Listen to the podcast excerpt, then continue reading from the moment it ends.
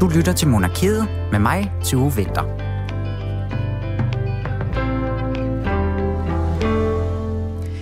Så blev det onsdag igen, og klokken den har slået 13.05, og derfor tid til monarkiet her på Radio øh, 4. Ferien den er måske for mange nu afsluttet, det er den i hvert fald her på programmet, og vi er nu tilbage i den helt vante form igen. Og i dag der bruger vi altså så lidt energi på at kigge tilbage på nogle af de historier, der trods sommerferie også i kongehusene altså har været derude. Blandt andet så er der altså en vis shaman, der igen er kommet i modvind i Norge, fordi at shaman Durek har sagt, at han helbredte sin corona med en medaljon, som han så samtidig sælger i sin webshop. Og den historie, den tager jeg altså lige en snak med kongehusekspert og historiker Lars Hovbakke øh, om lidt øh, senere. Og så er der så også kommet en ny bog, og den står Sigurd Barrett bag. Og den her gang, der har han kastet sig over at fortælle kongerækken til de helt små børn. Og hvordan man så griber den ellers sådan i hvert fald øh, ja, i fordommene lidt støvet fortælling an til børn, det øh, spørger Julie Lindhardt Højmark, forfatteren, om selv øh, lidt senere. Men allerførst, så kommer hun herind, og så runder vi altså lige lidt kongelige sommernyheder. Velkommen til Monarkiet.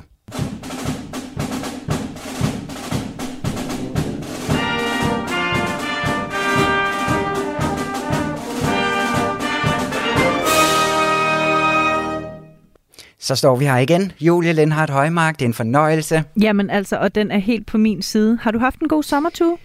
Jeg har haft en øh, vidunderlig sommer, vil jeg sige. Meget afslappet. Ja, en kongelig sommer måske lige frem.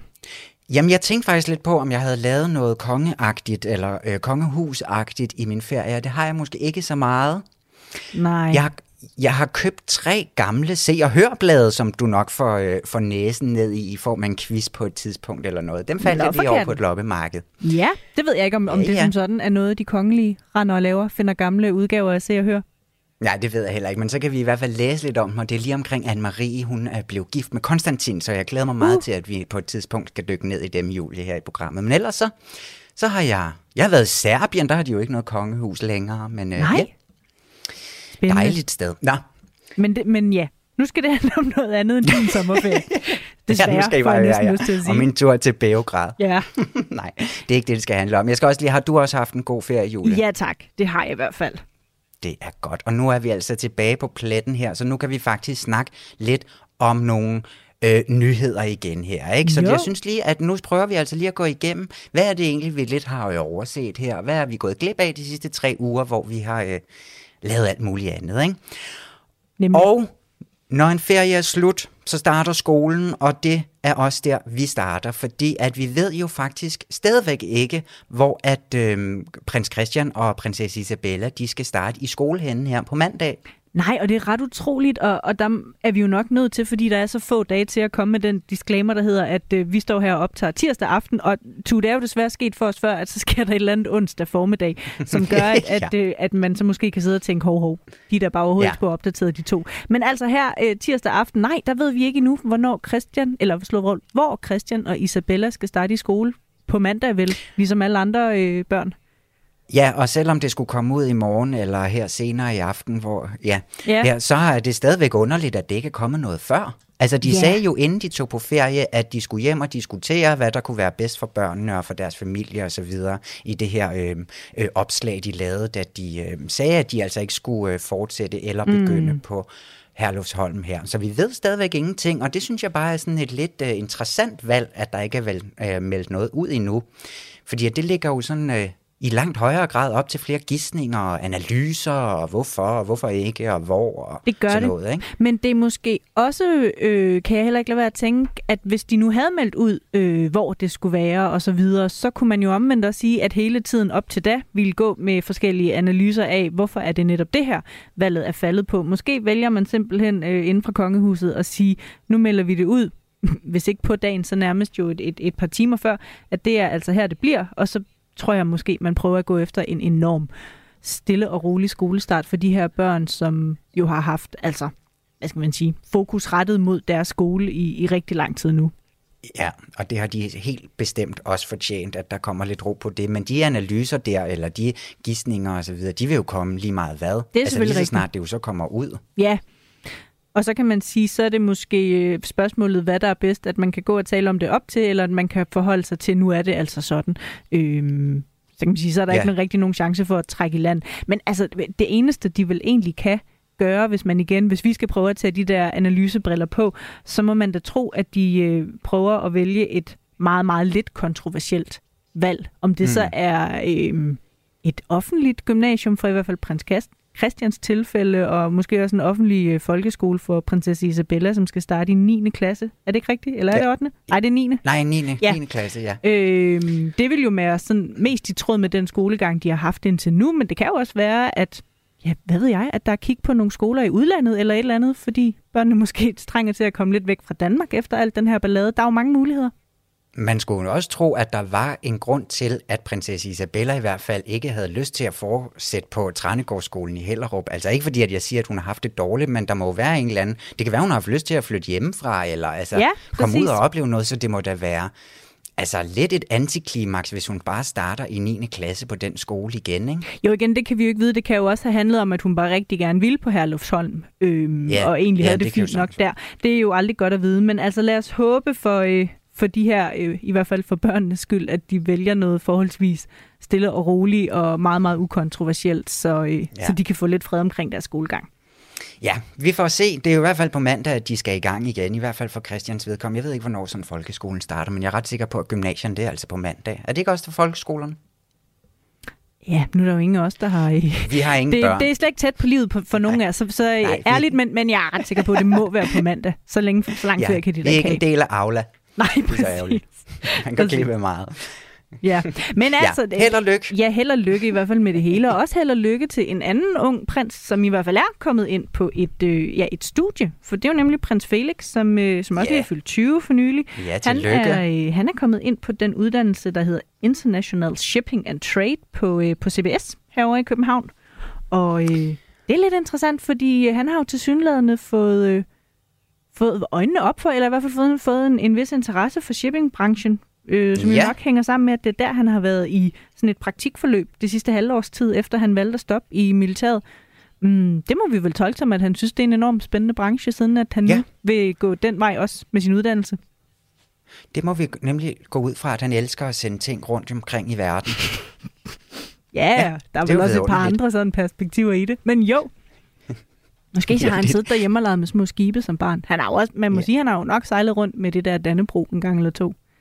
Ja, det er nemlig rigtigt. Men det er altså tillykke til ham jo selvfølgelig, at han er kommet ind på sin drømmeuddannelse. Man kan jo ikke lade være med at også, mm, ja, hvad kan man sige, altså skæve lidt til hans bror. Ja. Altså, vi følger meget en kurve her, ikke? Det gør vi virkelig. Jeg har selv tidligere i dag været lige ved at sige, hold da op, hvor han følger i sin øh, fods. Øh, sin, ej, hvad kan jeg? Øj, jeg skal lige tilbage fra sommerferie med de ja, der ja, formuleringer. Ja, vi skal lige i gang, Julie. Det er det. Nej, det der med, at han, at han jo meget følger i uh, Nikolajs fodspor. Men det er også lidt tavligt ja. sagt, tænker jeg så med det samme, fordi forhåbentlig vælger han også bare det, han gerne vil, og som han synes er rigtigt for ham. Men jo, der er jo noget med, øh, at de begge stoppede i militæret efter ret kort tid, at de begge sådan lidt har forsøgt sig med noget modeljob, selvfølgelig Nikolaj på et meget mere professionelt plan end, end Felix, endnu i hvert fald. Endnu, ja. Men øh, ja, nu også øh, en CBS-uddannelse til Felix, hvor, øh, hvor Nikolaj lige er blevet øh, bachelor fra her i sommer, og skal fortsætte på en kandidat nu. Ja, Ja, så det bliver jo altså spændende, om han er til det liv så. Ja, han bestemt. var jo ikke til militærlivet. Nej, og, og har vi, vi har vel heller ikke set noget mere til det modelarbejde, siden han øh, lavede noget øh, for Geo Jensen med de der smykker. Nej, har vi det? det nej, nej, nej, det er det sidste, vi havde. Det kan være, der kommer noget til julehandlen. Ja, ja. Det er godt at have et studiejob i hvert fald. Ja, det er det da helt bestemt. Og så synes jeg faktisk lige, når vi snakker om den gren af familien, at vi også lige skal runde øh, far her, prins Joachim, yeah. som jo igen har fået en lidt sådan øh, en, en lidt træls placering i den her popularitetsmåling øh, måling yeah. her i kongehuset, ikke? Jo, og der må vi jo lige kreditere øh, mediet BT for, at det er dem, der via analyseinstituttet YouGov har undersøgt, hvor populære kongehusets medlemmer er blandt danskerne. Og der er det altså bare øh, Joachim, der, der ender på en absolut sidste plads. Ja, mm. og, og igen hans bror, der ender på en absolut første plads sammen Ja. med dronning og hans kone. Ikke? Jo. Øhm, som de ligger helt deroppe. Men det er ret vildt, at han bliver ved ham her, Joachim, med at ligge dernede og... Øh, ja, hvad kan man sige? Rode rundt. Rode rundt, ja. ja. Det, det er i hvert fald, synes jeg, øh, vildt, at, at hver femte af de adspurgte svarer, at de øh, synes dårligt, eller endda meget dårligt om prins Joachim. Det er sgu alligevel en del, ikke? Altså. Jo, og det kommer altså meget bag på mig, vil jeg sige. Men det er jo også, jeg har jo lidt et svagt punkt Jamen, for hele den familie. Også. Ja, præcis. Øhm, og det er jo også, det har noget at gøre med, at der jo ikke er så mange år siden, at der var alle de her interviews med, som også vores gode ven Jakob Heinl, han jo, øh, han kørte, og han mm. fik ud af prinsesse Marie, at de ligesom var blevet placeret på en eller anden måde i Frankrig, ikke? Jo. for at komme lidt væk. Men det er, det er også som om, at de måske så, altså det er meget Frankrig efterhånden, ikke? Altså alt, hvad det. de ja. to tager sig af, det er noget med Frankrig. Og jeg ved godt, altså Frankrig er et vidunderligt land, og det er da slet ikke det, men men der er også noget med et kongehus er for, er for, er for, for det kongehuses øh, pøbel, ikke? Lidt. Der er i hvert fald også, ja, netop noget med, nu var jeg også lige hurtigt inde og kigge på, på Instagram, øh, øh, de billeder, kongehuset sådan senest har lagt op med Joachim eller af familien. Det er jo alt sammen noget, der har med Frankrig at gøre. Så er vi nede til ja. Tour de France og på Jonas Vingegaard. Så er Joachim afsted i sin militæruniform på, øh, på nationaldagen dernede og se militærparade. Og, altså, ja, og de opholder ja. sig på kejseren over hele sommeren. Og det er bare som om, der er gået så meget Frankrig i den, at man næsten helt kan tro, at han virkelig er blevet øh, diplomat overhovedet ikke længere er, øh, er dansk prins. At dansk prins, nej. Så der, altså, han burde snart komme ud og lave nogle flere tv-programmer, eller nogle flere sådan... Et eller øh, andet. bag facaden-agtige programmer, ikke? Ja, han må altså. få taget nogle selfies med nogle kendte, så det fungerer simpelthen så godt for ja. hans storebror. ja, præcis. Eller et, det ved jeg, kan man ikke lave et eller andet... Øh, kan man ikke lave en kampagne, to? Hvordan får vi øh, justice for Joachim, altså? Ja, men vi må sætte den i gang. Det kan være, det er vores nye mål her efter sommerferien. Ja at øh, til næste sommerferie, der har vi ham altså op i hvert fald over de 60 procent, der synes godt eller meget godt om ham. Nemlig. Jeg synes i hvert fald, ja. altså som du sagde, både du og jeg har et blødt punkt for den familie, og, og det virker også voldsomt, at man kan synes så dårligt om ham. Jeg kunne i hvert fald godt tænke mig at blive klogere på, hvad skal der egentlig til, for at danskerne sådan over en bred kamp igen kan komme til at holde bare lidt af ham? Ja, det synes jeg også er meget interessant, hvordan vi får ham tilbage i varmen på en eller anden måde. Ja, det må vi sætte os ja. for at undersøge, du. Det må vi gøre. Julia, lige her til allerslut, der rejser vi lidt ud af landet, mm. fordi at vi skal snakke lidt om ham her, Shaman Dudek, som jo også er en kær person, eller i hvert fald en, en kontroversiel og en kær mand at snakke om, måske. Kan man sige det? Ja, det kan man godt. Ja. Vi holder i hvert fald meget af at snakke om fald. Han bliver i hvert fald ved med at give lidt, ikke? På en måde, som... Oh. Ja. Det jeg prøver at sige, det er, at han altså igen har øh, rørt lidt på sig her, fordi at den her shaman, han blev jo tidligere på året forlovet med Martha Louise i Norge, og øh, han står altså efterhånden bag en række kontroversielle udtalelser. Og nu, det nye, det er så, at han i en video har fortalt, at han ved hjælp af en medaljon kom over sin coronasmitte. Øhm, han frasagde sig simpelthen, altså i behandlingen af sin corona, mm. det som han selv kalder øh, kemikalier og luftapparater, som lægerne tilbød ham, og sagde altså, at det var den her medaljon, der hjalp ham over på den, på den anden side, eller hjælper ham over med at blive rask. Ikke? Men undgik, at han skulle over på den anden side, kan man næsten sige. Ja, øh, ja, ja. ja. ja. Og, og det var også, ja præcis, og det var de her ånder, han på en eller anden måde jo er i kontakt med, siger jeg her, med, med stærk ioni, som fortalte ham, at han behøvede altså ikke lægehjælp, han kunne bare bruge den her medaljon. Altså, og som ja. han jo så i øvrigt sælger i sin egen online shop for, hvad er det, øh, 1600 kroner? Ja, omkring 1600 kroner kan ja. du få sådan en, øh, en, en spirit optimizer, som er det, som han øh, kalder den her øh, medaljon her. Og der findes tre af dem, så jeg ved ikke, om du ligesom skal have alle tre for at... Øh, du bliver et helt menneske. Se, det skal man jo nok, hvis man skal blive ordentligt rask, ikke? Det er i hvert fald så lidt tiltro, jeg har til ham og hans evner ud i at kurere øh, sygdomme. Ja, og man kan jo også sige, altså, hvad han gør privat, havde jeg nær sagt, ikke? Som det, skal han bare, det skal han bare gøre. Mm. Og der, den her video til gengæld, den ligger altså stadigvæk på Instagram, og jeg magtede simpelthen ikke at se den hele. Det kan jeg lige så godt sige. Den er 48 minutter lang, hvor han sidder og snakker om den her medaljon, som det her avancerede, spirituelle, teknologiske værktøj til spirit hacking og optimering øh, var ligesom det, jeg kunne uddrage af et sammendrag fra, ja. det, øh, fra den norske medie VG her. Ikke? Øhm, men det, der jo så også sker med det her, at han går ud og, og, og direkte sådan modsiger sig det, som vi ellers øh, øh, godtager for, altså for forskning og øh, videnskab og så videre, øh, det har jo så simpelthen fået, fået politikere i Norge, eller især en politiker og norsk læge, op i det røde felt og kaldt den her shaman for både skrupelløs og farlig, og en kvaksalver, der prøver altså at sælge de her produkter, der ikke har, altså, der ikke har nogen... Øh, øh, dokumenteret virkning i hvert fald og ved til, du hvad? Øh, det til kan jeg mennesker. Ikke? med med godt forstå. Hvis jeg var læge og politiker, og måske endda begge dele, så tror jeg, at dele med også, jeg ville blive helt vildt rasende over at se en mand, som jo altså er forlovet med en norsk prinsesse, som på en eller anden måde jo kommer til at være en del af den norske offentlighed, og som de ligesom ikke rigtig bare kan lukke øjnene for, at ham her, som får en kæmpe platform lige nu, i hvert fald, altså man må, det har han allerede, man må formode, at den kun bliver større af at være forlovet med en prinsesse, at han sidder og udbreder, at han kan helbrede corona med en medaljon, som man så lige kan fise ind og købe på hans online shop. Helt seriøst, det synes jeg godt nok også er et kæmpestort problem. Den går ikke rigtigt, vel? Nej, Nej, det gør den altså ikke. Og det er, altså, man kan også sige, inde i det her kommentarfelt, der, øh, altså til det her, det her opslag, der er der fyldt med, med vrede nordmænd, der også øh, altså går imod ham, og, og også som, som ham her, politikeren, altså siger, at det her, det, det, skal, det skal du stoppe med, agtigt. Ja. Og hvor at, at shamanen her, han er altså stadigvæk, han går i, øh, i modsvar og i angreb på de her kommentarer og siger, at nej, det er bare noget, I siger, og I forstår ikke amerikansk kultur, og vi er meget forskellige kulturelt og sådan noget. For jeg kan også lige sige, at, at det her norske medie VG, der har kørt, øh, der har bragt historien her, de har været i kontakt med shamanen, og på det her spørgsmål om, hvorvidt han har belæg for, mm. om den her medaljon, den kan kurere sygdomme, som for eksempel corona, til det der svarer han, at det må man jo spørge dem, der ejer en medaljon om, og ikke ham. ja. ja Det er også en lille smule ansvarsfralæggende, ikke? En lille smule, siger du. Jo, ja. Ja. Og Julie, vi fortsætter med at snakke med ham her øh, om... Nej, ikke med ham, desværre. desværre. Men, Ej, det havde ellers været et scoop. Ham vil jeg gerne snakke ja, det, med. Ja, det må vi også prøve ja. at få til at ske det kommende Vi har år. fået det næstbedste, vil jeg sige. Vi får fat i Lars nu, og øh, Julie, du er jo tilbage. Inden så frygtelig længe faktisk, hvor du taler med Sigurd Barrett, og så skal vi quizze lidt senere. Men for nu tak.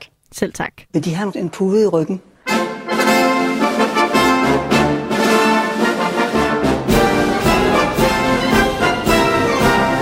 De vil, så har jeg sagtens lånt dem en pude. Og det vil jeg vældig gerne have. Øh, hvor er blevet? Hvor er mine møbler blevet? Nej. Jeg Men lad os bare er meget nødt at sidde på en pude. Hvis Jamen, jeg det er bestemt ikke Og det er til ryggen, vi det er tænker. simpelthen for... Åh, at- tusind tak. Jeg synes, det kunne, jeg kunne se, at de følte dem lidt langt tilbage. Det er rigtigt nok, øh, men jeg troede, jeg skulle sidde på en pude. Det Nej, nej, nej, nej, nej, nej, nej.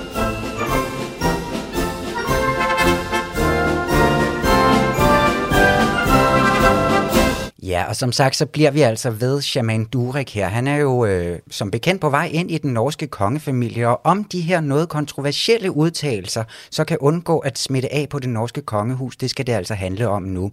Velkommen til programmet, Lars Hovbakke Sørensen. Tak for det.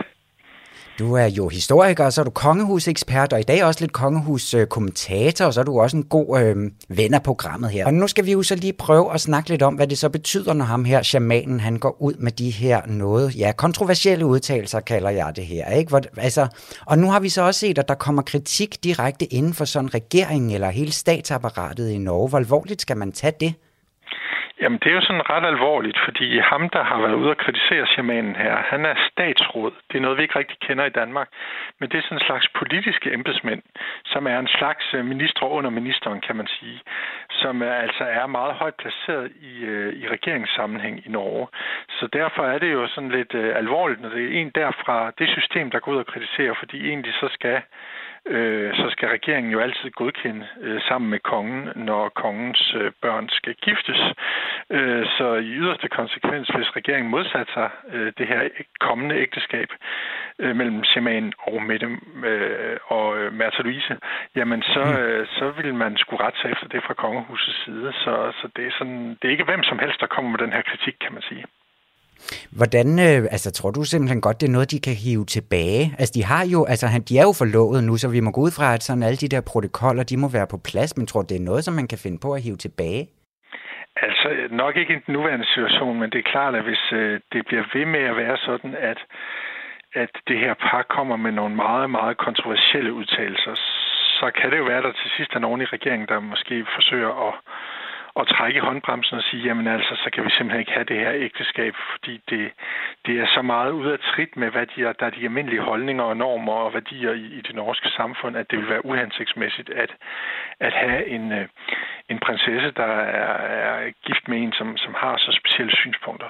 Så det kunne man i teorien godt forestille sig. Jeg tror ikke, det vil ske, men hvis det fortsætter med de her meget, meget usædvanlige og kontroversielle udtalelser, så kan man aldrig vide, hvad der kan ske. Ja, også selvom hun ikke er tronfølger, altså hun er jo ikke en del af den sådan øh, inderkredsen, eller working royal, som Nej, det det- hedder nu om dagen i Norge. Det er fuldstændig rigtigt. Altså, man skælder mellem kongehuset og kongefamilien. Og øh, med øh, undskyld, Louise er jo ikke er jo ikke en del af kongehuset. Øh, det mm. er kun øh, kongen og dronningen og så øh, kronprinsparet og, deres ældste datter, der skal arve tronen engang, Ingrid Alexandra, prinsesse Ingrid Alexandra. Men alle de andre, de er sådan en del af kongefamilien, som er den der lidt bredere kreds, og det er Märtha Louise også. Og, ja. og der vil man jo så altså sige, jamen altså, kan man, øh, kan man have sådan nogle holdninger, når man er inden for, for kongefamilien? Hun er jo heller ikke øh, udskrevet af arvefølgen. Hun er jo faktisk stadigvæk, selvom hun er en del af kongefamilien og ikke kongehuset, så er hun faktisk nummer fire i arvefølgen. Så, så hun er jo også en, en vigtig central person for kongehuset stadigvæk, selvom hun er lidt mere ude i periferien, end hun har været engang. Hvordan tror du, at, altså det er jo selvfølgelig også kun noget, vi sådan kan gisne om her, men hvordan skal kongehuset forholde sig til det her, hvis kritikken af shamanen, den fortsætter som nu, altså efter de også er blevet gift? Jamen altså, så får de jo en lidt vanskelig balancegang, og det har de jo i forvejen haft. Altså, Øh, Märtha Louise har jo tidligere været indkaldt til samtaler med kongen, øh, mm. med, med, med sin far, om øh, hvordan hun kunne forholde sig i forhold til dengang, at øh, de brugte øh, deres titler. Hun brugte prinsessetitlen i forbindelse med, med, at de tog rundt og holdt foredrag om de her lidt mærkelige ting øh, rundt omkring. Øh, så, så det er jo altså det er noget, som øh, kongen nok ikke ser på med særlig stor velvilje, at, at, ja. de har de, at de lufter de her kontroversielle synspunkter hele tiden. Og det er klart, at, at øh, det, det ville være meget, meget lettere for kongeparet, hvis, hvis de ikke havde en datter, der var så kontroversiel som Märtha Louise er. Altså, når han indtræder ham her, shamanen, når han bliver en del af den norske kongefamilie her, altså Martha Louise, som vi jo lige har, også siger, hun er jo ikke en del af sådan den arbejdende familie, så når, det, når de har lavet sådan et system deroppe, har de så overhovedet noget skulle have sagt? Altså sådan altså, kongefamilien og regeringen også, ud over dem, ikke? Ja, altså, altså selve de kongelige har jo ikke har jo ikke noget at skulle have sagt, og de er jo heller ikke de, det er jo et konstitutionelt monarki ligesom i Danmark. Og det er klart, når man er sådan lidt længere ude i periferien, øh, man ikke er nummer to eller et i arvefølgen, så er det klart, at så, så har man ikke helt lige så stor betydning. Det her ville virkelig være et problem for Norge, hvis det var, hvis det var en, der man regner med, at skulle aftrone en dag, men det skal hun jo formentlig ikke. Mm-hmm. Øh, men, men det er klart, at det her det siger noget generelt også om noget, noget meget større, nemlig øh, om, hvordan enkeltpersoner betyder enormt meget i dag i kongehusene i Europa. Altså det her med, at, at hvordan de enkelte personer opfører sig, øh, det, det, det står falder kongehusen i meget, meget højere grad med end tidligere, og kongehusens popularitet står og falder i meget højere grad med enkeltpersonernes måde at være på, og deres holdninger og værdier, som de lufter i offentligheden. Meget mere end det gjorde før, før i tiden. Og derfor kan det godt blive et problem, det her. Altså nu kan man jo ikke sammenligne direkte med det, vi har set i Danmark her i løbet af foråret, men alligevel da vi havde den her sag om Herlufsholm i Danmark, jamen der har vi jo set en meningsmåling, der viste, at det faktisk skadede kronprinsparets popularitet, øh, da det stod ja. på. Og det vil det her sandsynligvis også gøre generelt skade kongehusets øh, popularitet i Norge, selvom de ikke er dem, der er længst fremme i rækkerne, de to, vi taler om her. Men altså noget, som vi to vi også har snakket om tidligere, det er jo det her med, at kongehusene rundt omkring i Europa, de bliver også smallere, og det er også noget, vi kommer til at opleve herhjemme, at de her medlemmer i yderkanten, de øh, skal forsørge sig selv, og de må gå ud og lave deres egne øh, karriere uden om, øh, om kongefamilien her. Men så er det ikke det her kontroltab, som det jo også er at give slip. Jeg ved godt, det er jo sådan lidt en anden, øh, en anden konstellation, de har oppe i Norge, men måske det stadigvæk er lidt det samme. Altså det her med, at, at det er jo et kontroltab, hvor man ikke rigtig kan styre, hvad de laver. Er det ikke bare noget, man må acceptere også, at der kommer mere af det her? Jo, det vil der jo nok være, det vil der jo nok være nogen, der synes. Der vil nok være delte meninger, meninger i befolkningen om det her, fordi en ting er jo, at, øh, at øh, de ikke sådan er, er så meget officielt med i, i, øh, i øh, de kongelige aktiviteter. Øh, men noget andet er jo, at øh, jo stadigvæk, som jeg var inde på før, er en del af arvefølgen. Og mm. derfor kan folk ikke være fuldstændig ligeglade med, hvad hun foretager sig og hvilke holdninger hun har, fordi hun jo trods alt stadigvæk er en del af kongefamilien og i teorien kunne komme til at arve tronen en dag. Øh, og øh, der vil man jo så, hvis hun skulle arve tronen og blive, en, blive regerende dronning, jamen så ville man jo få en meget, meget kontroversiel øh, person til at stå øh, i spidsen for Norge som den allerøverste person i Norge. Ja. Det er jo det, man også skal tænke på. Det er det, regeringen nok også tænker på, når de kommer med en løftet pegefinger ved at lade den her statsråd sige de her ting, som, som han gør. Øh, og de der statsråder i Norge, de er jo sådan nogle, der er rimelig velinformeret om tingene. Han er statsråd i Helsedepartementet, som det hedder deroppe. Det er jo svar til vores sundhedsministerium. Og øh, han er selv læge og ved en hel masse om, om de her ting, og så falder det ham altså i den grad for brystet, og sikkert også alle andre medicinske øh, uddannede personer, øh, de ja. ting, som, som shamanen her kommer med, med, med hvordan man kan ja, øh, helbrede på alle mulige mærkelige måder osv. Ikke? Ja, vi må se, hvad der sker deroppe. Vi har nok ikke hørt det sidste til ham her, shamanen i hvert fald, men for nu, uh, Lars Hovbakke, tusind tak, fordi du vil være med. Selv tak. Og nu skal vi altså til noget ganske andet, fordi at der er en ny bog på gaden om den danske kongerække, og denne gang for de helt små børn. Og Julie Lindhardt Højmark, hun snakkede uh, tidligere med forfatteren bag den.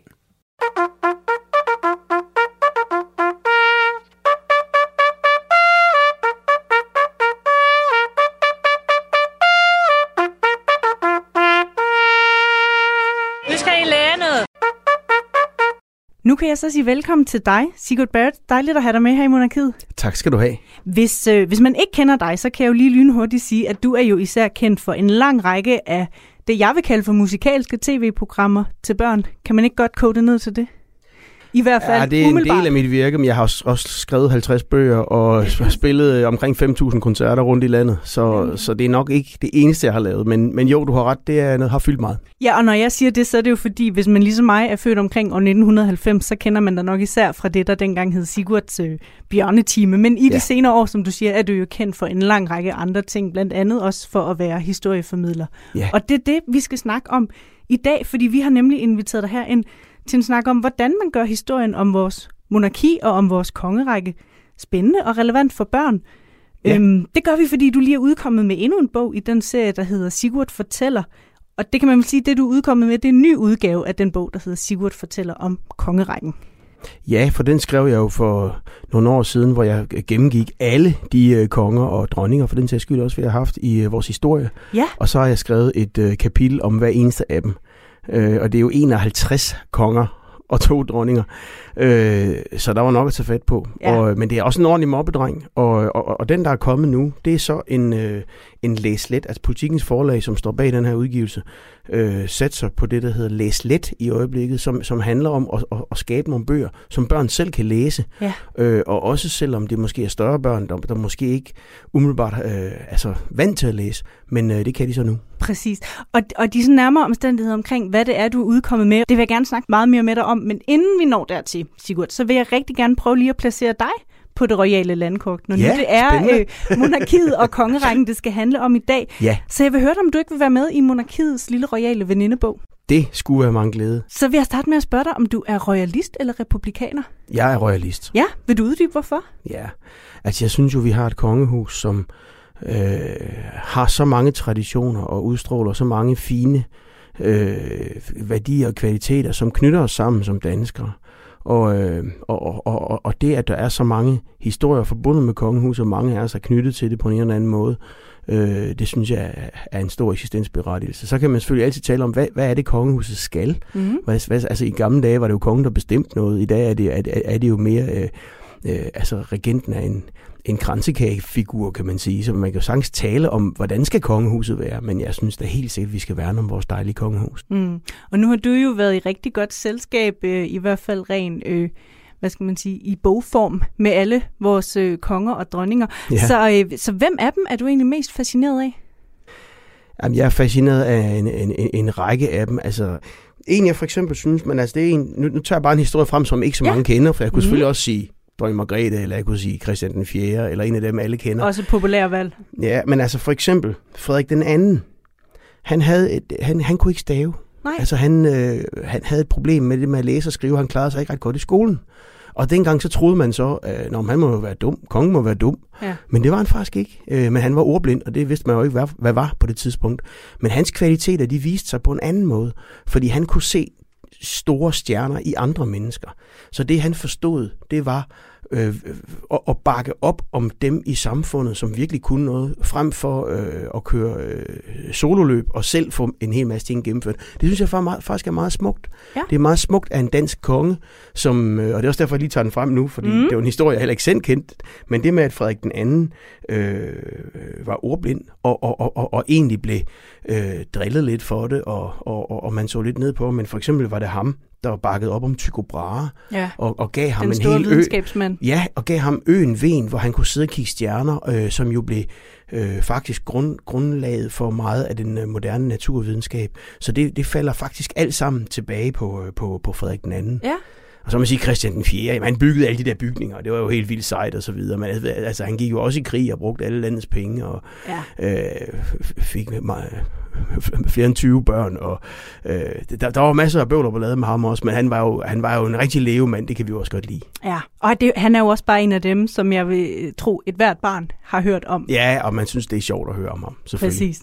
Er der så nogle af, lige det sidste spørgsmål, nogle af de øh, nunlevende medlemmer af kongehuset, hvis du skulle vælge mellem dem, hvem ville du så helst tage til bords? øh kronprins Frederik, ja. tror jeg. Hvorfor ham? Jamen, jeg har mødt ham et par gange, og det har været en fornøjelse hver gang. Jeg har også jeg har optrådt for dem alle sammen. Jeg har også spillet for hendes majestæt Dronning Margrethe, både til hendes 70 og 80 års fødselsdag, øh, og for forskellige andre lejligheder. Jeg har spillet for øh, øh, prinserne og prinsesserne med øh, Sigurd og Symfoniorkestret, mm. og haft øh, fornøjelsen af at møde dem bagefter. Det har været en stor fornøjelse. Faktisk så gav jeg... Øh, øh, så gav jeg kronprins Frederik den bog, Sigurd fortæller om kongerækken. Og så øh, jeg tror jeg, det var prins Christian, som far, er du med i den? Så bladrede ja, far, du er med, og jeg kommer med i næste oplag.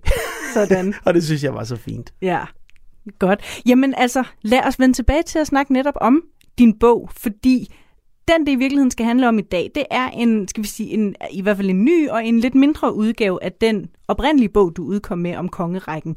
Øhm, hvis man sådan lige skal prøve at tegne det lidt op, så kan man vel sige, at den store udgave henvender sig til børn på omkring 10 år, og der gennemgår du faktisk hver eneste konge og dronning sådan meget detaljeret går i dybden med historien om dem. Hvad er det så øh, ved den nye bog, der skiller sig ud fra det?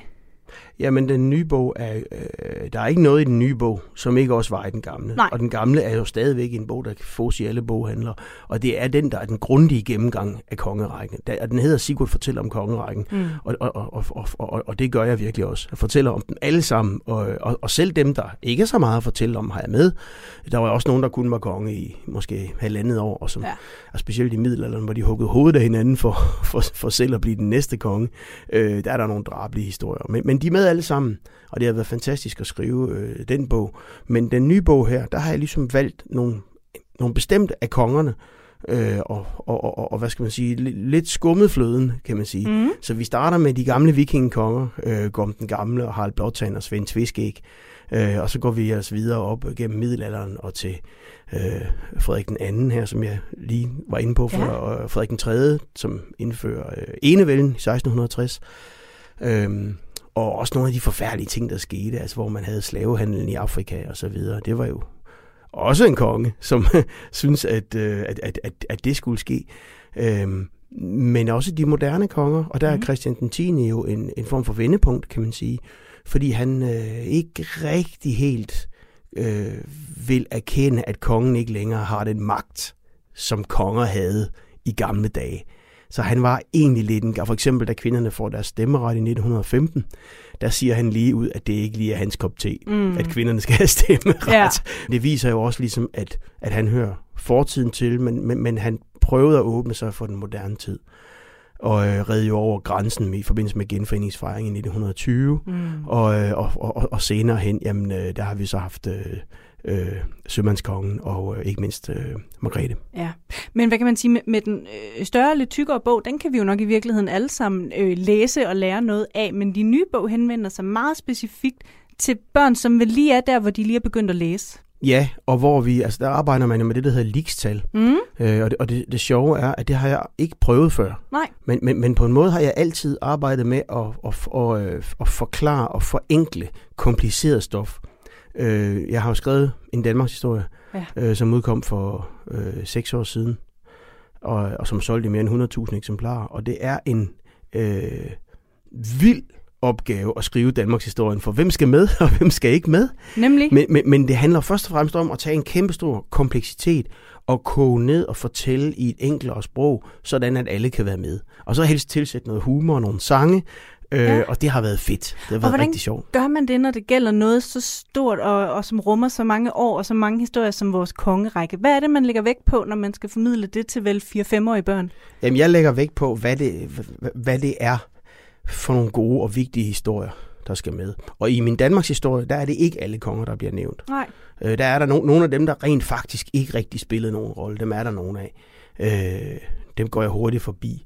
Øh, men, men, men langt de fleste bliver dog lige nævnt. Men, men man kan også sige, hvis man nævner en, en konge, eller en anden person, øh, så, så, så giver det ikke mening, medmindre man også fortæller lidt om vedkommende. Så bliver det bare en opbremsning. Ja. Og jeg skal også lige have Hardeknud med.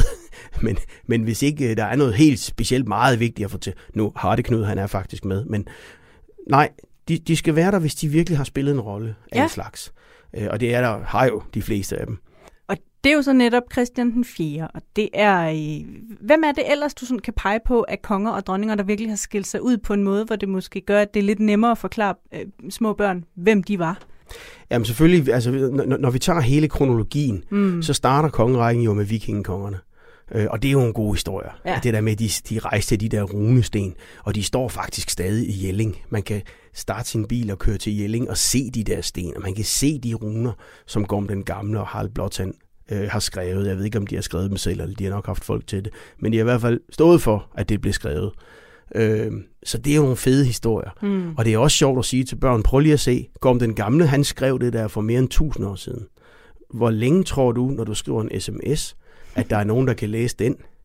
Øh, nå, jamen det har man ikke lige tænkt over. Nej, men altså, det, der, der er ikke ret stor sandsynlighed. Måske er den sms væk om 10 minutter, eller om en uge, eller om 10 år, eller nu måske i hvert fald om 100 år. Men det der, det har stået i 1000 år. Ja. Og det er altså et symbol på, at vores kongerække og vores monarki og vores øh, land, vores samhørighed som folk, har en lang historie og en stor tyngde. Så vikingekongerne er et kapitel for sig. Mm. Så er der jo middelalderkongerne. Øh, der er sådan en god historie som Svend Knud og Valdemar, ja. øh, som jo kappes om øh, at, at, at, at blive konge og, øh, og blodgildet i Roskilde. Jeg tror, de fleste kender den historie. Ja. Øh, den er selvfølgelig også med, den er også børnevenlig.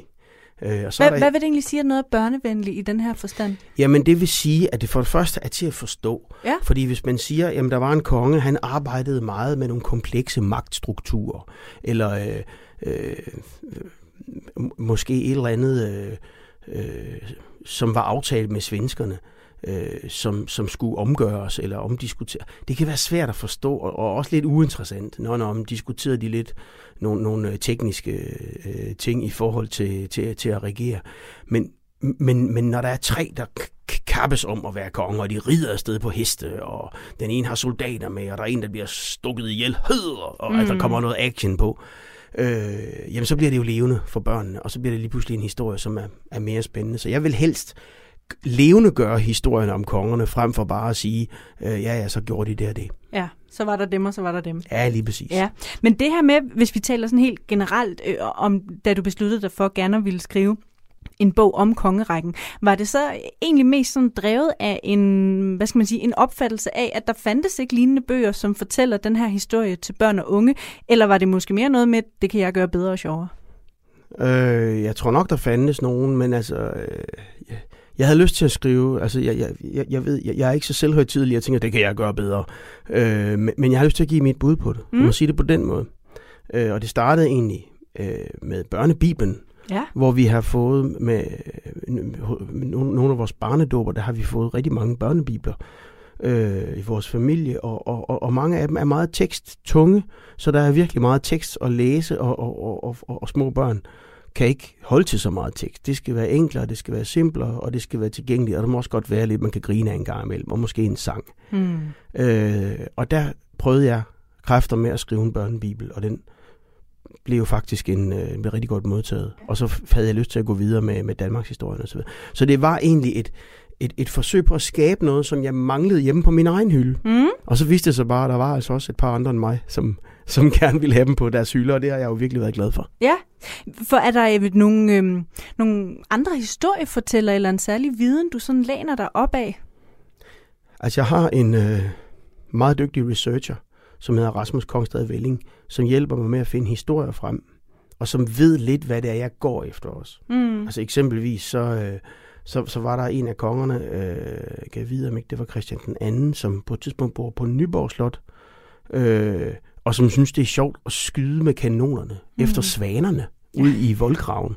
Hvilket jo er helt crazy at forestille sig. En konge, der synes, det er sjovt at sidde og Men altså, måske er det en form for datidens underholdning, eller hvis man havde ikke nogen computerspil, så så må man skyde efter svanerne i voldgraven. Og det er jo også barbarisk og forfærdeligt at, Ja. at skyde for sjov øh, kanonkugler efter en stakkels sagsløs svane, men det gjorde han. Øh, og sådan en historie er selvfølgelig øh, sjov at fortælle, og så, så kan man sidde bagefter og ryste på hovedet og sige, ej, hvor var han åndssvag. Ja. Men, øh, men, det er en sjov historie at fortælle. Ja, netop det her med, hvad der er de gode historier, måske også hvad der er de vigtige historier. Så tænker jeg også på, at altså, i den her tid er der jo også rigtig meget fokus på at give øh, kvinderne måske en mere retmæssig plads, når vi taler om vores monarkis historie. Øhm, er det noget, du sådan undervejs måske har oplevet, at kvinderne faktisk er glædet lidt ud af kongehistorien, eller har du selv haft meget fokus på i hvert fald gerne ville give dem måske en mere retmæssig plads? Ja, det har jeg haft fokus på. Og jeg har ikke mindst sørget for at fortælle meget, meget grundigt om for eksempel Margrethe den Første, Mm. som der jo også er kommet en film om her, var det forrige år. En helt Du kalder fantastisk- hende også en af de sejeste ja. personer i Danmarks Ja, historie. det synes jeg virkelig, hun er, og det synes jeg, der er grund til at sige, netop fordi, at man dengang havde det kvindesyn, man havde. Øhm, og, og jeg faldt selv i en grøft, indrømmer jeg, øh, blankt her, Mm. øh, hvor jeg kom til at skrive, at hun charmerede alle store mændene. Øh, og så, hvor der var en, der sagde, at hun charmerede dem ikke, hun var bare klogere end dem. Øh, og og, og, og, det, det siger jo noget om, at man har, at, at, jeg øh, i min fortælling om hende har tænkt, om hun må da have været så fantastisk indtagende. Men, men det, er jo, det er jo i virkeligheden en, en degradering af hende, som hun slet ikke fortjener. For hun har været meget, meget dygtig strateg. Ja. Og hun har været meget, meget øh, øh, øh, god til at øh, få folk til at mødes, og været god til at lægge en strategi, og hun har også været handlekraftig. Og hun har øh, været, været, været helt exceptionel, ikke mindst når man tænker på, at det var en tid, hvor kvinder normalt ikke fik lov til at, øh, at have magt. Men det, det fik hun jo under dække af, at hun øh, at det var den lille, hendes lille søn, der Mm. egentlig var konge, men det var jo dybest set hende, der bestemte, fordi han ikke var myndig. Så det var den Ja. måde, man ligesom sådan, altså teknikaliteterne omkring det. Men jeg synes bestemt, at kvinderne, øh, og også historien om, om kvindernes stemmeret, Ja. hvor den gamle, lidt mandsjuvenistiske konge, der Christian den 10., han synes, det er en halvdårlig idé. Øh, og, det- og det gør jeg et stort nummer ud af at, at lave sjov med, fordi øh, tænk, at det ikke er mere end lige godt 100 år siden, øh, at Ja. det skete. Er der noget, der ellers sådan undervejs i dit arbejde med bogen, noget, der har overrasket dig, eller er du faldet over en historie, du simpelthen ikke kendte til? Altså i forbindelse med den nye her, øh, Sigurd fortæller om kongerækken som en læs-let bog, der har jeg først og fremmest arbejdet rigtig meget med at koge det ned til den her lille bog. For mm. det er en lille bog. Den er, den er ret let at læse. Øh, og det er egentlig det allersværeste. Det er, når man, hvordan kan jeg koge hele øh, vikingetiden ned til kun at fylde fem sider, som samtidig også skal være øh, gennemillustreret, eller otte sider, eller hvad det nu er.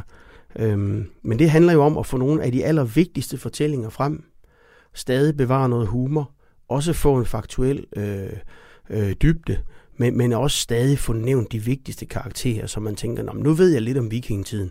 Og ideen er jo, at man skal få blod på tanden til at læ- læse mere, Mm. måske i min store bog om kongerækken, eller i andre bøger Ja. om, øh, om, øh, om øh, vores kongerække. Og det, det har nok været den største udfordring, det er, hvordan man kunne fortælle det så kort og så forholdsvis simpelt. Nu sagde jeg i starten, at hvis man øh, ligesom jeg var født omkring år 1990, så ville man øh, stensikkert kunne huske dig fra Sigurds Bjørneteam. Ja, Hvad har ændret sig øh, siden da i forhold til at lave øh, god kulturformidling til børn? først og fremmest, at dengang der havde vi bedre tid. Mm? Øh, et, et, et børneprogram øh, varede 30 minutter dengang. Det, det må det helst ikke vare i dag. Det skal helst kun vare øh, 14. Okay. Øh, fordi man bilder sig ind, at øh, børn ikke kan koncentrere sig længere. Du siger, man bilder sig Øh, ind. Er det ikke rigtigt? Øh, nej, nej, det mener jeg bestemt Nej. ikke er rigtigt. Altså jeg mener sagtens, man kan få børn til at koncentrere sig længere, øh, hvis det man laver er godt nok, og hvis man tør øh, tro på det. Men altså, jeg, jeg, jeg medgiver også, at tiderne har ændret sig. Alting går hurtigere, og vi har hele tiden de her sms-beskeder og Snapchats og alt muligt andet.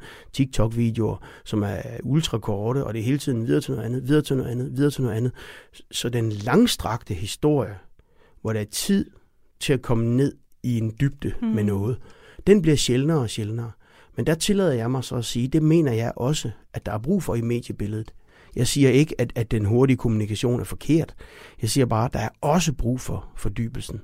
Der er også brug for at sige, kom herhen, sæt dig ned, nu skal jeg fortælle dig en rigtig god historie, er du klar? Øh, det elsker jeg selv. Mm. Jeg kan huske et, et radioprogram, jeg hørte på et tidspunkt, øh, hvor intervieweren spørger om noget, og så siger øh, øh, gæsten, ja, hvis jeg skal forklare det kort, og så siger intervieweren, jamen det behøver du ikke. Nej. Og jeg bliver helt glad, og tænker, nej, for en gang skyld er der en, der siger, at det ikke behøver at være kort. Du må gerne brede dig, du må gerne fortælle, og jeg vil gerne ind i dit univers og forstå, hvem du er, og hvilke tanker du har gjort dig. Altså, det er, overfor børn, der tænker jeg, at den gode historie, den gode sang, den gode fortælling, det må godt tage noget tid. Så, så det er en vigtig forskel. Ja. Og så er der selvfølgelig også sådan noget som klipperytmen. Altså vi klippede jo meget langsomt, så sidder man i den her billede og siger bla bla bla bla bla bla bla bla bla bla bla. Så klipper man til den her billede af Bjørn Bjørn, som nikker. Så klipper man til et andet billede. Hvor, og, og, og i dag der er det jo mere klip, klip, klip, klip. Altså det, det skal det, bare gå hurtigt. Ja, ja og, og det synes jeg også er cool. Altså det er også, vi er også i en anden tid. Tingene udvikler sig, mediebilledet udvikler sig, børn er vant til, at der foregår flere ting samtidig. Øh, det der med at multitaske. Vi kender også, når vi sidder og ser nyheder, så kommer der måske en crawl nedenunder, hvor der står, øh, hvad, hvad der i øvrigt er sket i løbet af dagen, mens der sidder en og fortæller om noget andet, øh, og måske er der et logo eller en anden... Øh, øh, vi har også nu har lige været Tour, mm. Tour de France, hvor man, så ser man nogen, der sidder og kommenterer, samtidig med, at vi ser de cykler, øh, og der kører også nogle tekster. Så du har haft sådan set tre informationslag. Og, og, og det tror jeg også, børnene kender og er vant til. Øh, men jeg synes bare, en, en, en rigtig god historie, den må godt have lov at fylde. Og det er også derfor, jeg synes, at øh, det er vigtigt, at de lærer at læse. Det er vigtigt, at de lærer den der fede dyd, det er mm. at sidde med en bog i hånden og bladre. Altså bare den lyd her. Og sidde med et ord som forelskelse, der er delt op, så man kan flytte fingeren fuldstændig, så det passer For eksempel. til tempoet. Og så finde ud af, at jeg kan faktisk selv læse om om den der konge og hans forelskelse. Mm. Ja, det er da fedt. Ja. Lige her til allersidst, Sigurd, har du en ny uh, Sigurd Fortællerbog på vej, eller uh, hvad laver du for tiden? Ja, det har jeg faktisk. Ja. Uh, to endda. Uh, jeg har skrevet en bog, som kom i uh, november, som hed Sigurd Fortæller om naturvidenskab. Og øh, der har jeg fortalt alt om øh, jordens tilblivelse og liv og dyr og planter og geografi, fysik, kemi, øh, og også frem til noget med vejr og klima, og hvorfor det er vigtigt, at vi passer på vores klode. Og der skal vi ud og spille. Øh, Sigurd fortæller om naturvidenskab hele det kommende år med 100 koncerter rundt i landet. Sådan. Så og, så har jeg, og så har jeg en bog, der kommer om en måned, som hedder Sigurd fortæller om julens traditioner. Ej. Og det er sådan en rigtig hyggebog. Dog, der hvor, rammer du et øh, blødt punkt hos mig. I hvert fald. Ja, hvor der er noget med sterinlys og øh, julemænd og risalamang. Det bliver også hyggeligt. Det lyder fuldstændig fantastisk. Sigurd Barrett, du skal i hvert fald have tusind tak, fordi du ville lægge vejen her forbi monarkiet. Og øh, held og lykke med den nye udgave af Sigurd fortæller om kongerækken nu til mindre børn i en let, let læselig udgave. Tak skal du have. Livak præsenterer så gælder det om at vise, hvor dygtige I kan blive.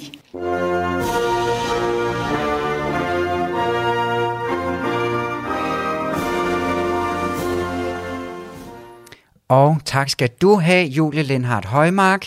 Jamen, det nu er vi samlet her mig, der igen. takker, har jeg lyst til at sige. Det var i hvert fald en ja. fornøjelse at tale med Sigurd Barrett. Det var godt. Nu er vi her igen. Vi er samlet. Vi skal quizze ganske som vi plejer her til en lille afrunding, ikke? Jo, men altså, jeg har, tu, jeg har jo gået og manglet de her quizzer hele sommeren. ja, det er godt. Nu skal du altså få en. Men så kan jeg jo spørge, starte med at spørge dig, om, om du sådan er god til at lægge alle dine telefoner og sociale medier og nyhedsplatforme og sådan noget væk, når du så holder ferie. Siger du alle mine telefoner? Jeg har heldigvis og trods alt kun én. Øh, læg den væk lige frem er jeg nok ikke så god til, men jeg er faktisk god til ikke at tjekke mails og læse nyheder i døgndrift og sådan noget, når jeg har ferie. Jamen det er godt. Tjekker du lidt kongehusets øh, sociale medier, også selvom du har ferie? Det gør jeg jo nok lidt, ja. Men ikke lige så meget, som jeg gør i arbejdsøje med. Vi skal se, hvor meget du har fået fat i, fordi vi skal quizze i den royale sommer på Instagram. Ej, det... Ja, okay. Nå, så er det nok godt, at jeg alligevel ikke har lade være, kunne lade være at kigge lidt med.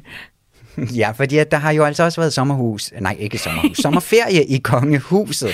Og, øhm, og der har altså været sådan lidt guf på de sociale medier. Jeg synes jo, det er hyggeligt, når vi bare får, får sådan lidt hygge-updates og ikke for meget arbejde. Ikke? Jo. Men nu skal vi prøve at quizze lidt i de her, øhm, ja, hvad de så har rendt rundt og hygget sig med. Og der var jo især måske to ting, der har fulgt, eller fyldt hedder det. Og det var jo den her vidunderlige fætter kusinefest, og det var Tour de France. Så Ja. det kommer vi altså godt omkring i dag, vil jeg sige.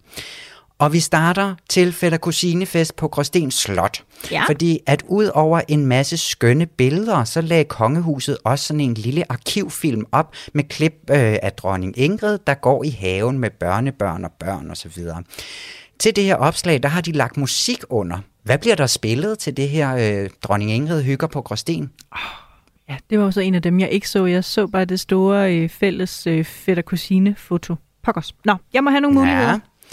Du må have nogle muligheder. Er det dronning Ingrids march? Eller er det et ABBA-nummer? Eller er det Du danske sommer, jeg elsker dig? Se, nu har jeg jo tidligere tu været tilbøjelig til at falde i ABBA-fælden, og det er en af mulighederne, fordi der jo bare er så mange vidunderlige fællestræk. Så det gør jeg ikke den her gang. Jeg tror heller ikke, det er dronning Ingrids egen march. Den må næsten være lidt for højtidlig. Så det er nok Du danske sommer, jeg elsker dig. Du skal altid hoppe i ABBA-fælden. Ej, klappede den denne gang? Den klappede Slipping Through My Fingers med ABBA. Det ligger altså under øh, som, som lydtapet til dronning Ingrid, der går og plukker blomster til sine børnebørn. Det er meget sødt. Ej, Det er spændende, hvad der er med ABBA og de kongehus der, var. De elsker dem. hvor er det skønt. Jamen, det, og det Vi gør vi jo også, fortsætter. altså. Ja, Hva? Ja, ja, vi, ja, vi elsker også ABBA. Alt er godt her. Nå, ja. Som sagt, Julie, så blev der jo taget en masse vidunderlige billeder, og som du lige nævnte det her med, de her store familiefotos, hvor simpelthen hele familien næsten er samlet. Øhm, men der blev altså også taget et billede, hvor vi ser dronningen og hendes søstre i en golfvogn. Og det her det er et helt enkelt spørgsmål, fordi at hvem kører den her golfvogn? Er det dronning Benedikte eller Anne-Marie? Det tror jeg altså er dronningen. Ja, eller hvad? Sidder hun ved siden af for en smøg? Det gør hun nok ikke på billedet jo. Men øh, jeg tror ikke, det er Anne-Marie. Jeg, jeg ved ikke. Nej, jeg prøver altså at gå med Benedikte. Jeg tror, det er hende, der kører. Hvor er det flot, Julie. Så er der et point. Det Yes. er Benedikte mellem barnet. Hun, øh, hun tager styringen der. Driving Miss Det store. Daisy. Den store slø- slapper af, og den lille, hun er sat på bagsædet. Jamen, det er ligesom det skal være. Ja, hun sidder deromme og holder fast, mens at de to ældre søstre der, de sidder og hygger sig op foran. Ja. Ja, så det, øh, det er altså hende, der står for det, så ved vi det. Ja, ikke? Jeg ved, om dronningen overhovedet har kørekort. Ved man det, tu? Øh, ja, er det ikke noget med, jeg tror, jeg har haft med i sådan en citatquiz engang, at det er noget med, at hun kører bil, ligesom hun laver mad eller sådan noget. Nej, hvordan er det nu? Og det kan jo enten være rigtig godt eller At rigtig hun- skidt. Jamen, noget med, at hun kan, hun kan da godt, men hun vil nok hellere sætte nogle andre til det agtigt. Okay, jeg ved heller ikke, om Det er man noget med den dur. skal have kørekort for at køre en golfbil. Nå, det var Benedikte. Nej det, nej, det ved jeg. Men normalt så tror jeg altså også, det er hendes hofdamer, der kører hende rundt. Det synes jeg, jeg kan huske fra nogle af alle de der skønne øh, haveprogrammer, hun har lavet. Ja, nemlig, det var også dem, jeg så for mig. Det var hende og Benedikte kører rundt i, i den kongelige køkkenhave. Der mener jeg også, at øh, dronningen primært sad på passagersjædet. Ja. Julia, vi skal lige til Tour de France, fordi det har i den grad fyldt, og det første spørgsmål, det er meget lige til, fordi hvor mange opslag lavede kongehuset om det event? Lavede de 7, 12 eller 18 opslag? Ja. Er det inklusiv alt sådan optakt? Altså her i Nej, løbet jeg har den her taget det sommer? cirka fra start. Altså, Altså, cirka fra, øh, fra fra, det var i. Danmark, ikke? Ja. Øh, hvad sagde du? 7, 12 eller 18? Ja. 12. Vi sneger os helt op på 18 opslag over de her fire uger her, eller hvad det var, Hold det her de France her. 18 opslag. 18 opslag simpelthen, og jeg, altså nu må du ikke hænge mig, hænge mig alt for meget op på det, men jeg tror faktisk, at et af dem, det var, øh, altså det er blevet deres rekord i likes, Nå. med, øh, med omkring 122.000 likes. Er det det, hvor kronprinsen står sammen med Jonas Vingegaard og, øh, og kæresten, og hvor det kun er kronprinsen, der ser nogenlunde normal ud på billedet? Lige præcis Ja. det. Altså simpelthen, det har slået prinsesse Isabella, der fik omkring 110 for hendes fødselsdagsportrætter i hvert fald. Det er sjovt, for det er jo egentlig det et lidt tavligt valg. Altså Jonas Ja. Vingegaard står der med lukkede øjne, og hende kæresten står også og ser sådan lidt bøvet ud, så vidt jeg husker det. Med al respekt. altså, det, der må der have, Ja. Man må lige lære at tage et par stykker, så der er lidt at vælge imellem. Ja, men det er faktisk det, som de har lagt op, som vi nu skal quizze i, som sikkert måske bliver det sidste spørgsmål. Vi ser lige, jeg har til i armen, hvis det er, ikke? Ja.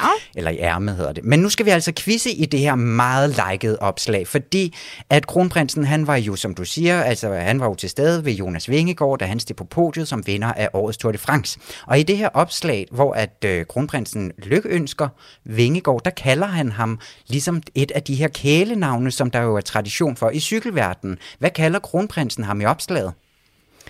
Kalder han ham for Griben fra Glyngøre? Kalder han ham Le Grand Danois? Eller kalder han ham Jonas Vennegård? Det er en af de sidste to, to tror jeg. Han kalder ham Jonas Vennegård. Vennegård.